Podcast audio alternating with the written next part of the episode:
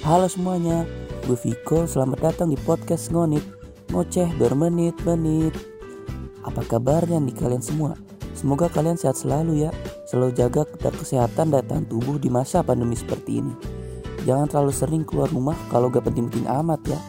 Nah, di masa pandemi seperti ini, kalian tuh pada ngapain aja sih di rumah? Selain WFH atau kelas online, gue sih nebaknya pasti beberapa di antara kalian tuh jadi sering bermain game online Iya gak tuh?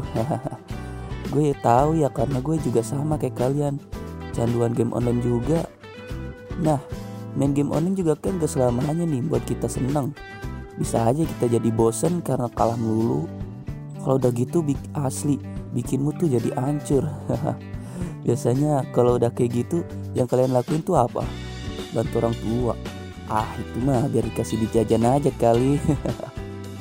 Nah dalam kesempatan kali ini, karena ini juga podcast pertama gue, gue mau ngonit, ngoceh bermenit-menit, ngebahas rekomendasi film aja kali ya.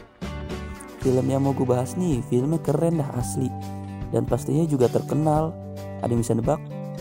Ciri-cirinya film ini tuh dulunya bergenre film balap, dan makin ke sini berubah haluan menjadi film action.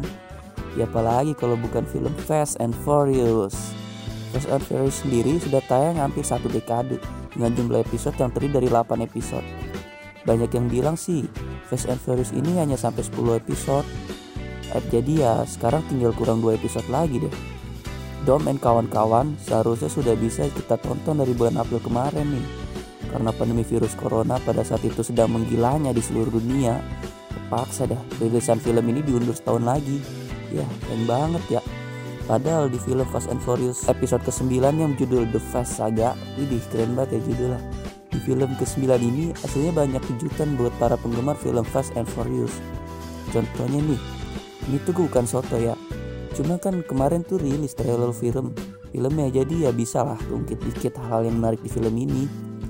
Yang pertama tuh munculnya lagi si Han. Buat kalian yang ngikutin Fast and Furious dari awal pasti tahu siapa si Han ini Buat yang belum tahu, jadi di episode Fast and Furious chapter Tokyo Drift, si Han ini nih mati alias is dead karena mobilnya saat dia lagi kejar-kejaran sama penguasa wilayah Tokyo alias Tiki. Mobilnya tuh ditabrak guys, sampai-sampai kebalik terus terbakar tuh meleduk doang gitu. Ternyata yang nabrak si Han itu Decret Sao, si mamang jahat di Fast Furious 7. Abang dari On Sao, si mamang jahat juga di Fast Furious 6. Nah, di Fast Furious 9 ini Han hidup lagi nih. Ya pasti aja bikin penasaran kenapa kok bisa dia hidup lagi. Hal yang bikin penasaran kedua yaitu munculnya memang jahat lagi yang bernama Jacob yang diperanin oleh The John Cena. Wih keren ya. Main game PS Smackdown pasti tahu legend yang satu ini. Nah ternyata usutnya usut. Si Jacob ini atau John Cena adalah saudara kandung dari Dom, si pemeran utama film ini. Wah kok bisa? Selama 8 episode tayang kagak ketahuan kalau Dom punya saudara kandung cowok. Setahu kita kan dia cuma punya adik perempuannya yaitu Mia Toretto. Bukan Mia yang lain nih. Istri dari Brian O'Connor ya. Guys ternyata si Jacob ini diklaim bisa bertarung lebih hebat dan lebih pintar dibandingkan si Dom. Jadi ya si Dom udah pasti kewalahan lawan saudaranya sendiri Hal yang bikin penasaran ketiga yaitu munculnya Mia Toretto atau adiknya Dom di sequel trailer Fast Furious 9 ini. Nah, otomatis kalau Mia muncul, tentu saja Brian O'Connor juga harus muncul dalam film ini. Yang kita tahu sendiri, Brian O'Connor ini kan diperankan oleh mendiang Paul Walker. Dia tewas saat kecelakaan mobil saat sedang syuting Fast Furious 7. Kecelakaan asli ini mah.